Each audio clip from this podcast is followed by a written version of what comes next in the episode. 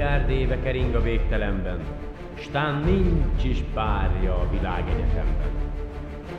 Száz és százmilliárdnyi utasvéd mágneses pajzsa, minden általunk ismert élet megterem rajta. űrhajónk, bölcsőnk és sírhelyünk is egyben, ez a Föld!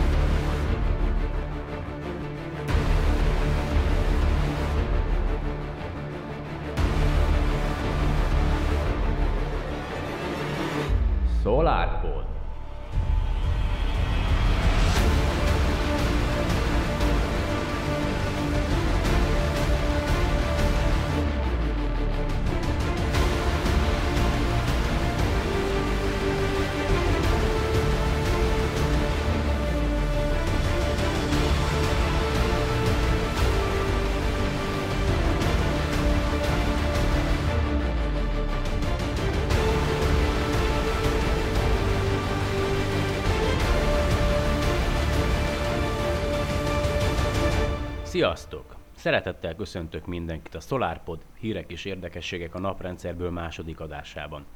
A műsor elérhetőségei, e-mail cím, solarpod2016 gmail.com, Skype-on is megtalálható vagyok, solarpod2016 a felhasználói név, illetve a Facebook elérhetőség facebook.com per solarpod. Szeretném megköszönni mindenkinek, aki meghallgatta az első adást, és külön köszönöm a véleményeket, igyekszem a továbbiakban lehetőségeimhez mérten jól elkészíteni a, a műsort, és hogy szeretném, hogyha mindenki számára érdekes lenne, és azt is szeretném kérni ismételten tőletek, hogyha szeretnétek részt venni a műsor elkészítésében, akkor jelentkezzetek, és, és készítsük közösen a műsort, ajánljatok témát, készítsünk riportot. Nagyon szeretném, hogyha hogyha ez a műsor a továbbiakban is életben maradna és, és, és mehetne. A műsorban, tehát az adásban hallhattok ugye zenéket. A legtöbb zene az ingyenesen használható bármiféle adásban, hogyha az ember ugye nem kér érte pénzt, viszont van néhány zene, amiért külön a szerzők, illetve a kiadók engedélyét kell kérnem, ezért most fel kell olvasnom azt, hogy szeretném megköszönni Vikram Gadinak, az Elephant Music kiadóból Londonban, hogy engedélyezte Richard Schreiber Age of the Universe című számának a felhasználását a podcastomban, illetve Mark Petrinek és Alex Picskának, hogy Mark Petri Esara című számát is használhatom a jövőben a podcast készítése alatt. El is kezdeném akkor a mai műsort, következzenek a rövid hírek. Lehetséges bizonyíték a 9. bolygó létezésére. Twitteren közölte egy a bolygó felkutatásán dolgozó szakember, hogy a feltételezéseknek megfelelő helyen találtak valamit, aminek a tömege megközelítőleg tízszerese a Földinek. Az elmélet szerint a korai naprendszerben egy, a Jupiterhez vagy Saturnushoz hasonló gázóriás kezdeti magja lehetett ez a kisbolygó, amely kilökődött a naprendszer peremére valami miatt. Távolsága körülbelül 149 milliárd kilométer a naptól, és excentrikus pályán kering a Kuiper övbéli testekhez hasonlóan. Keringés ideje körülbelül 11 ezer év.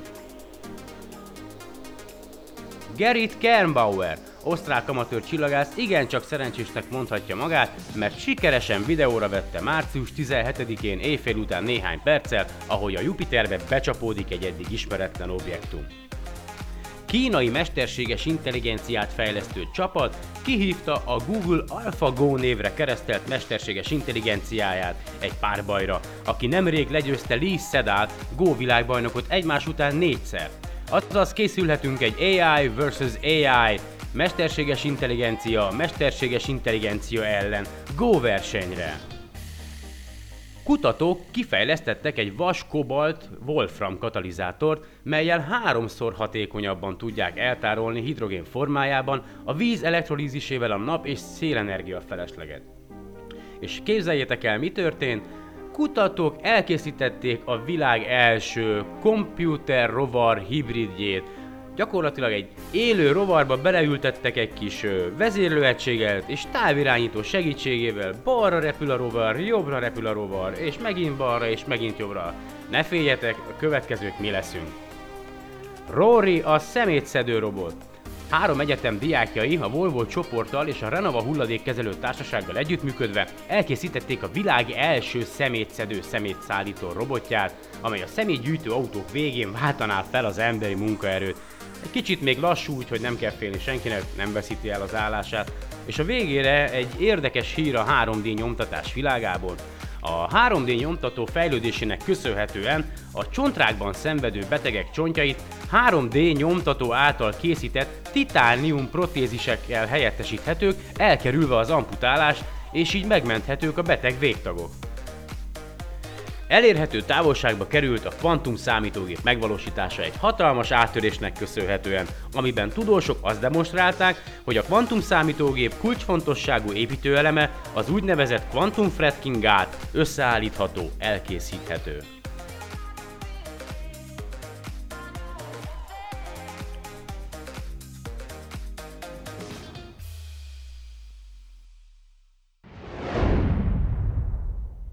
Virtuális valóság alapú szexuális tartalom, bevásárlóközpont, mozi, színház, virtuális valóság alapú hullámvasút, virtuális valóság alapú játékok, virtuális valóság alapú katonai kiképző programok, virtuális valóság alapú csillagászati szoftverek, és ez csak néhány azok közül, ahol a virtuális valóságot napjainkban felhasználják. A héten nagyon sokféle cikkel találkoztam, ami a virtuális valóság jelenéről, jövőjéről számolt be, és ha minden igaz, ugye akkor, hogy körülbelül egy éve jelent meg a, a, a Facebook első csúcs technológiás Oculus Rift virtuális valóság alapú eszköze, ami viszonylag elég nagy volt, így a fejre csatolva, de azóta eltelt egy év, és most már nagyon sok gyártó becsatlakozik vagy becsatlakozott a virtuális valóság alapú eszközök gyártásába, és a technológia és a felhasználási területek rohamosan fejlődnek. Azt jósolják, legalábbis a, bizonyos előrejelzés szerint üzleti szakemberek, hogy 2025-re 500 milliót is elérheti azon virtuális valóság alapú headseteknek a, a, a száma, amelyet eladnak a világon, és a kb. 30 milliárd dolláros piacán nőheti ki magát a virtuális valóság. Én nem tudom, ti hogy vagytok vele, még nem próbáltam, de lehet, hogy majd előbb-utóbb kipróbálom. Néztem el a Google-nek ezt a kis karton dobozát, amivel a mobiltelefont belehelyezve kipróbálhatjátok, hogy milyen érzés lehet a, a virtuális valóság, de a videók alapján, amit láttam, hát nem igazán jó minőségű maga ez az egész, pláne akkor, hogyha az embernek egy régebbi telefonja van, aminek nem túl nagy a felbontása, akkor a beszámolók szerint egy pixelessé válik a kép, tehát nem lehet annyira élvezni. Játszani sem nagyon lehet vele, mert ugye tartani kell a fejen, tehát nincsenek vezérlők hozzá, nagyon egyszerű dolog, néhány ezer forintért már hozzá lehet jutni. Viszont ha valakit komolyabban érdekel a, a virtuális valóság, mint technológia, akkor igencsak mélyen a zsebébe kell nyúlni, mert ilyen hát 400 dollártól kezdődnek a, a komolyabb eh, virtuális valóság alapú eszközök, a PlayStation is elkezdett gyártani, a HTC is, és a, ugye egyrészt van a, a Facebooknak az Oculus Riftje, plusz a, a Microsoft is beszállt ebbe a piacba, ők elkezdték gyártani a HoloLens névre keresztelt eh, virtuális valóság eszközüket, és egy szoftverrel is készülnek, egy csillagászati szoftverrel, az a neve, hogy Galaxy Explorer, és az alkalmazás segítségével virtuális valóságban a szobánkban be tudjuk járni az egész tejútrendszert, a naprendszert, rá tudunk közelíteni a bolygókra, a, a napra is, és akkor jobban meg tudjuk ismerni. Csak annyit mondok, hogy a, a HoloLens még nem érhető el a, a piacon, csak fejlesztők vásárolhatják meg, potom 3000 dollárért, hát én nem tudom, ha van valakinek annyi pénze és vette egyet, akkor szeretném, hogyha beszámolna róla, hogy milyen, vagy hogy milyen érzés használni ezt az egészet. Ebben eszméletlenül nagy potenciál van a virtuális valóságban, az oktatásban, hogyha használjuk, ugye, vagy például a, a kikép, különböző kiképzések, eh, ahogy olvastam itt a cikket, arról is szó van, hogy eh, hogy gyakorlatilag betegségeket lehet, tehát egyrészt ugye pszichés betegségek gyógyítására is alkalmas, azokon kísérleteztek virtuális valóság alapú gyógymódokkal, akik pánikbetegségben szenvednek, és akkor szimuláltak nekik egy virtuális valóságú környezetet, ahol megnyugodhattak, meditálhattak, lazíthattak, és szinte arra az időre elmúlt ez a, ez a pánikbetegségük Viszont a hátránya ennek a technológiának, hogy már mostanában is, vagy hát a, a mostani számítógépes játékokban is az ember hajlamos belefeledkezni, tehát hogy szinte megszűnik a külvilág, mikor, mikor játszik egy, egy adott játékkal, de ha belépünk ebbe a virtuális valóságba, akkor hát nem is tudom, tehát tehát lesznek emberek szerintem, akik teljesen megfeledkeznek, a, tehát nem tudják majd megkülönböztetni a tényleges valóságot a virtuálistól, és azért ez elég elég félelmetes. Olvastam a, a Fermi paradoxonról az elmúlt napokban, és ott a, feltesznek bizonyos kérdéseket, ugye, hogy, hogy miért nem találtunk még idegen, idegenekre, idegen civilizációkra utaló jeleket a világegyetemben, hiszen oly nagy és oly régi a, a világegyetem, uh, hogy már kellett volna, hogy találjunk hozzánk hasonló idegen lényekre utaló jelet, vagy, vagy már, hogyha egy, ha azt vesszük alapul, hogy mi is, ahogy fejlődünk, az idegen civilizációk is arra törekszenek, hogy, hogy meghódítsák, vagy felfedezzék a körülöttük lévő világot, akkor már legalább egy, egy idegen, idegen civilizációnak az űrszondáját, kutató szondáját fel kellett volna már, hogy fedezzük. De ugye többféle elmélet van arra, hogy, hogy miért nem találtuk még meg ezeket a jeleket, és hogy a virtuális valósághoz kapcsolódik, vagy kapcsolódik az, hogy, hogy egyrészt azért nem találtunk még jeleket, mert technológiai szingularitás átélésére hajlamosak az idegen lények. Vagyis azt jelenti, hogy ö, hogy a technológiai civilizációk technológiai szingularitáson esnek át, és egy új ember feletti vagy idegen feletti formát érnek el. Az ilyen elméleti civilizációk talán elég nagy mértékben megváltoztak ahhoz, hogy a kommunikációt lehetetlenné tegye. A szingularitás utáni civilizáció intelligenciáinak például esetleg nagyobb mennyiségű információ cserére van szükségük, mint, a, mint az a csillagközi kommunikáció keretében lehetséges. Vagy talán az összes információ, amivel az emberiség szolgálhatna, kezdetlegesnek tűnne számukra, és ezért nem is próbálnak kommunikálni velünk, mint ahogy az ember sem kísérel meg egy hangyával való beszélgetést. És akkor itt következik az, ami a, a, a virtuális valósággal kapcsolatos, hogy ennél extrémebb szingularitás utáni formák is felmerültek, de ugye leginkább csak a, csak a fiktív irodalomban, lények, akik levetik magukról fizikai formájukat, és egy óriási virtuális környezetek hoznak létre. Majd tudatáttöltéssel ezekbe a környezetekbe költöznek, és ebben a virtuális világban élnek tovább, figyelmen kívül hagyva a külső fizikai valóságot. Nem tudom, hogy ti mit, mit gondoltok erről, de tehát most igen, egy másik érdekes dolog, ami még szintén ezzel kapcsolatos, hogy, ha, hogy áttölteni a, a virtuális valóságban az emberi tudatot, a mai jelenlegi technikával, 30 ezer, ilyen 10 ezer szuper számítógép használatával 30 évig tartana feltérképezni az agy teljes szerkezetét. Tehát még elméletileg, gyakorlatilag is talán nem állunk azon a szinten, hogy megtehessük ezt, viszont kísérleteznek ö, információ töltéssel az agyba különböző technológiákkal, tehát hogy hogyan lehetne minél több információt, minél hatékonyabban az agyba ö, bele tukmálni, beletölteni. Bevallom, ö, én szívesen kipróbálnám, ha nem félnék mondjuk attól, hogy esetleg ott is maradok egy ilyen kísérlet folyamán. A rengeteg, tehát rengeteg, a, a rengeteg információ áramlik felénk. Nagyon sok én úgy érzem, hogy szinte össze is zavar, tehát nem tudok, nem tudok különbséget tenni információ és információ közt, néha egyszerűen csak, csak úgy áramlik, tehát megnyitom a különböző oldalakat, és csak egy, még egy, még egy, még egy, még egy. Most is, amikor válogattam a rövid híreket a, a, ehhez a podcasthoz, egyszerűen Egyszerűen nem, nem, tehát nem, nem tudom feldolgozni ezt a temérdek mennyiségű információt, ezt 0-24 órába kéne csinálni ahhoz, hogy, hogy mindenről be tudjak mondjuk számolni, vagy hogy mindent fel tudjál dolgozni, tehát egy átlag ember, aki elmegy dolgozni, mint én is, három műszakba, az, az csak így felületesen átszalad bizonyos dolgokon, és, és, és aztán megy tovább, mert annyi tennivalója van, hogy egyszerűen nem tudja követni. Szerintetek eljön majd az az idő, amikor képesek leszünk, még a mi életünkben mondjuk, képesek képesek leszünk feltölteni az emberi tudatot egy, egy számítógépbe, és aztán az a tudat abban a számítógépben képes lesz tovább élni lényként, tehát egy, egy gondolkodó, önálló lényként. Ti mit gondoltok erről? Én, én azért, én azért, én nem tudom, tehát egy, de, de, de én tartok azért egy kicsit ettől várom a, a véleményeteket, mondjátok el, hogy ti mit gondoltok erről az egész virtuális valóságról, mert persze rengeteg előnye van, viszont ugye a hátrányairól se szabadna megfeledkezni, hogy ez lenne az emberiségnek a, egy, egy, egy, egy, egy másik fejlődési lépcsőfoka, tehát hogy ez lenne az a szint, amit majd átlépünk, tehát megszűnünk fizikailag létezni, és akkor egy virtuális valóságban élünk tovább, de és az ki fogja üzemeltetni, vagy az hogyan fog működni, tehát miből fogja kapni a, a működéséhez szükséges elektromos áramot, vagy lesznek majd szolgák, akik, akik ezeket a virtuális valóságrendszereket életben tartják, és akkor a, többi ember meg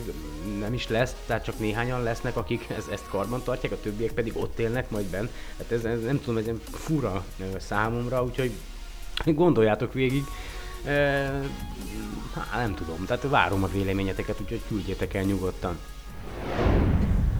És mielőtt tovább mennénk, akkor még két rövid hír, amit most szeretnék nektek mondani, hogy március 16-án a japánok elve, elvesztették a Hitomi műholddal a, a kapcsolatot, és azóta irányíthatatlanul ö, forog ö, a, a föld körül. Röviden, tehát egy időre fel tudták vele venni a kapcsolatot, de aztán megint megszakadt, így azóta se lehet tudni, hogy mi lehet a meghibásodásnak az oka, és hogy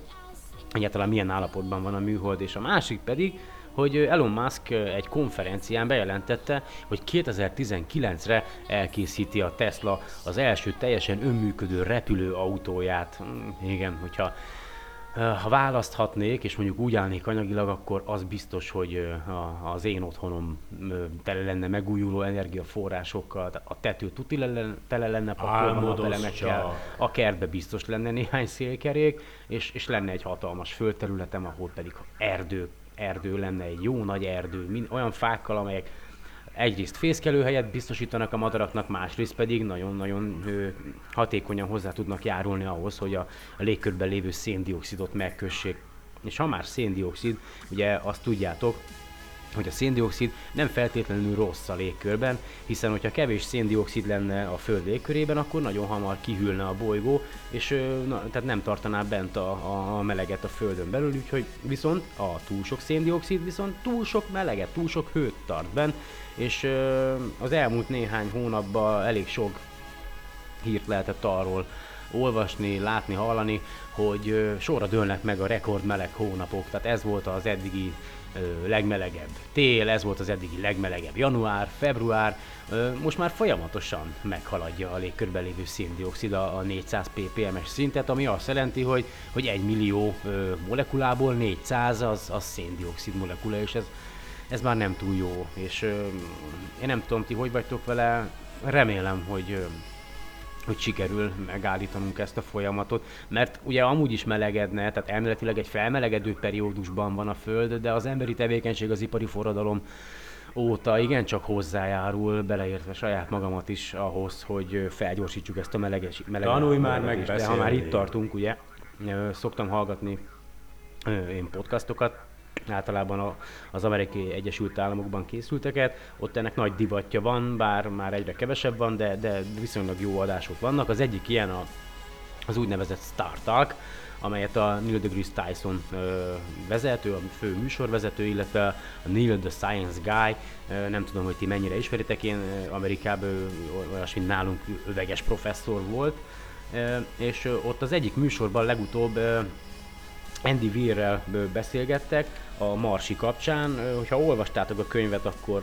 hm, remélem, hogy nektek is tetszett. Ha még nem olvastátok el a Marsit, akkor ajánlom, hogy olvassátok el, mert, mert nagyon jó, nagyon szórakoztató. A, én, én a filmben egy kicsit csalódtam, sokan azt mondják, hogy nagyon jó, de viszont rengeteg rész kimaradt belőle, ami a könyvben benne volt. De, úgyhogy, de szóval visszatérve a beszélgetésre, a, a könyvről volt végül is szó, meg, meg arról, hogy majd az emberek, ugye mi, hogyan fogunk eljutni a, a Marsra. És ö, vannak elméletek, azzal kapcsolatosan, hogy hogyan lehetne terraformálni a, a marsot, tehát hogyan lehetne a marsot földszerűvé tenni, de most jelenleg a tudományos körökben az a legfontosabb, hogy minél hamarabb embert küldjünk a Marsra, és hogyha ez lehetséges, akkor létrehozzunk ott egy, egy, egy Marsbázist és egy kolóniát, és hát ha be tudjuk telepíteni a bolygót. ugye, mint tudjátok, a, a Mars hamarabb hűlt ki, mint a Föld. A Föld még a, nem hűlt a, ki. A naprendszer, naprendszerben, és ugye kihűlt, tehát megszűnt valami miatt a, a Mars belsejében a, a, a folyékony mag ö, ö, keringeni, tehát megszűnt a Marsnak a mágneses mezeje, tehát még tudnak valamilyen minimális ö, mágneses mezőt mérni, és ugye ezt ez alapján állították meg, vagy próbálták meg kiszámolni, hogy körülbelül mi volt az az időpont, amikor a, egyszer csak megállt a, a, a Marsnak a magjában a forgás, és elkezdett kihűlni, és aztán a napszél pedig ö, mágneses mező hiány szép lassan milliárd évek alatt ö, kifújta a légkörből a az élethez szükséges oxigént, nitrogén, és gyakorlatilag a víz, ami a Mars felszínén volt nagy mennyiségben, az elpárolgott hirtelen, tehát nagyon-nagyon gyorsan elpárolgott. És egy nagyon érdekes dolgot tudtam meg ebben a műsorban, az mégpedig az, hogy a Curiosity rover mérései szerint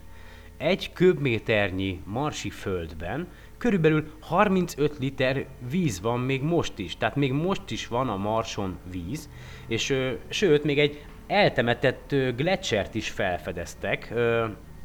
a, ami, ami szintén ugye hát tele van, tehát egy víz, tehát egy hihetetlen, hogy még mindig van a, a Marsnak a felszínén víz, de, de ugye folyamatosan ö, ritkul a légköre. Tehát azért, a, mivel nincsen mágneses védőpajzsa, ezért a napszél ki tudja fújni a légkört, tehát hogyha előre megyünk az időbe, akkor a helyzet az csak egyre rosszabb és rosszabb lesz. És akkor itt jön be az a terv, amiről egy nagyon, egy nagyon fantasztikus videót láttam, amiben ezt bemutatták, és egy nagyon jó zenével, amit a műsor végén majd meg is hallgathattok. Számomra egy nagyon-nagyon jó, fantasztikus zene volt. Pont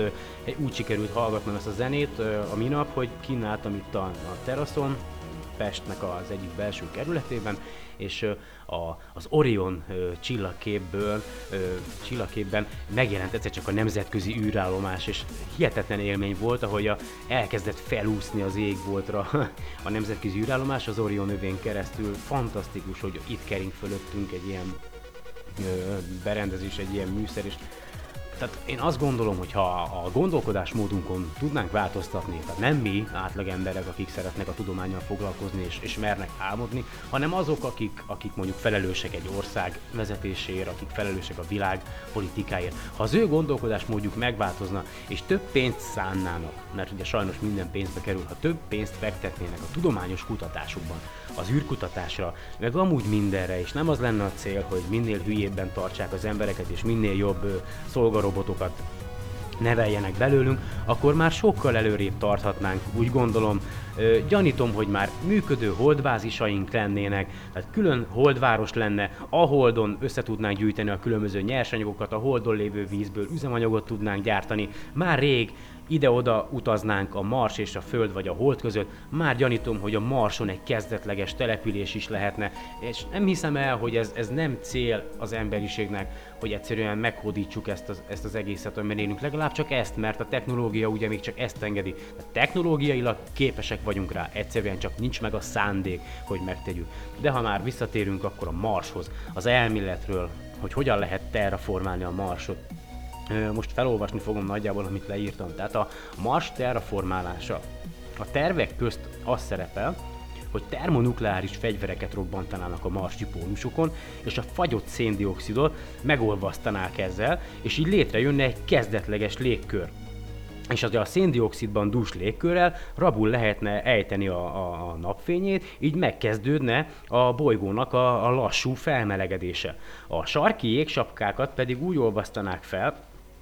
hogy hatalmas tükröket irányítanának a, a sarkokra, amik a Mars körül keringenek, és akkor a napfényt oda sugároznák a, a pólusokra, így fel lehetne szabadítani a, a fagyott állapotban lévő ö, nedves foly, vizet a, a Marsnak a felszínéről. És akkor egy másik terv még, hogy ö, biológiailag kifejlesztett lényeket telepíthetnénk a Mars felszínére, melyek a, a megváltoztatnák, átalakítanák a marsi talajnak az összetételét, ezáltal oxigént pumpálnának a légkör körbe. és aztán pedig még, még kiegészítésként távezérésű széndiokszid gyártó robotokat küldhetnénk a, a Marsnak a felszínére, melyek további széndiokszidot állítanának elő, amely ugye elősegítené a a Marsnak a felmelegedését. Persze nagy kérdés, hogy hogyan tudnánk mindezt a légkört bent tartani, vagy ott tartani a, a Mars körül, hiszen nincs a Marsnak mágneses mezeje, ami meggátolná azt, hogy a napszél kifújja a, ezt a légkört. Viszont, ha ez a terv sikerülne, és mondjuk megoldást találnának arra, hogy valamilyen úton, módon egy mesterséges mágneses mezőt létrehoznánk a bolygó körül, akkor jó, bizony hosszú-hosszú-hosszú-hosszú évek kellenének ehhez, millió, millió években lehet ezt számolni, de, de a Földhöz hasonló lehetne a Mars, hisz az elmélet szerint, vagy a, a kutatások szerint régebben olyan volt, mint a Föld. Volt rajta óceán, tenger, esett az eső, havazott, és de egyszer csak valamiért kihűlt, és arra is vannak elméletek, hogy hogyan lehetett, az egyik legelterjedtebb elmélet az, hogy egy valamilyen olyan akkora becsapódás érte a, a, a marsot, hogy ez egyszerűen megszüntette a, a magjának a keringését, és, és, és, és hirtelen leállt az egész, és szépen lassan elkezdett kihűlni. De senki nem tudja ugye, hogy, hogy mi lehet hát nem is tudom, szeretném megköszönni a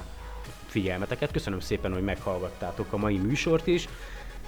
Itt szeretném akkor még egyszer kiemelni, hogyha bármilyen véleményetek van, vagy, vagy szeretnétek segíteni a műsor készítésében, akkor nyugodtan írjatok, és akkor az elérhetőségek még egyszer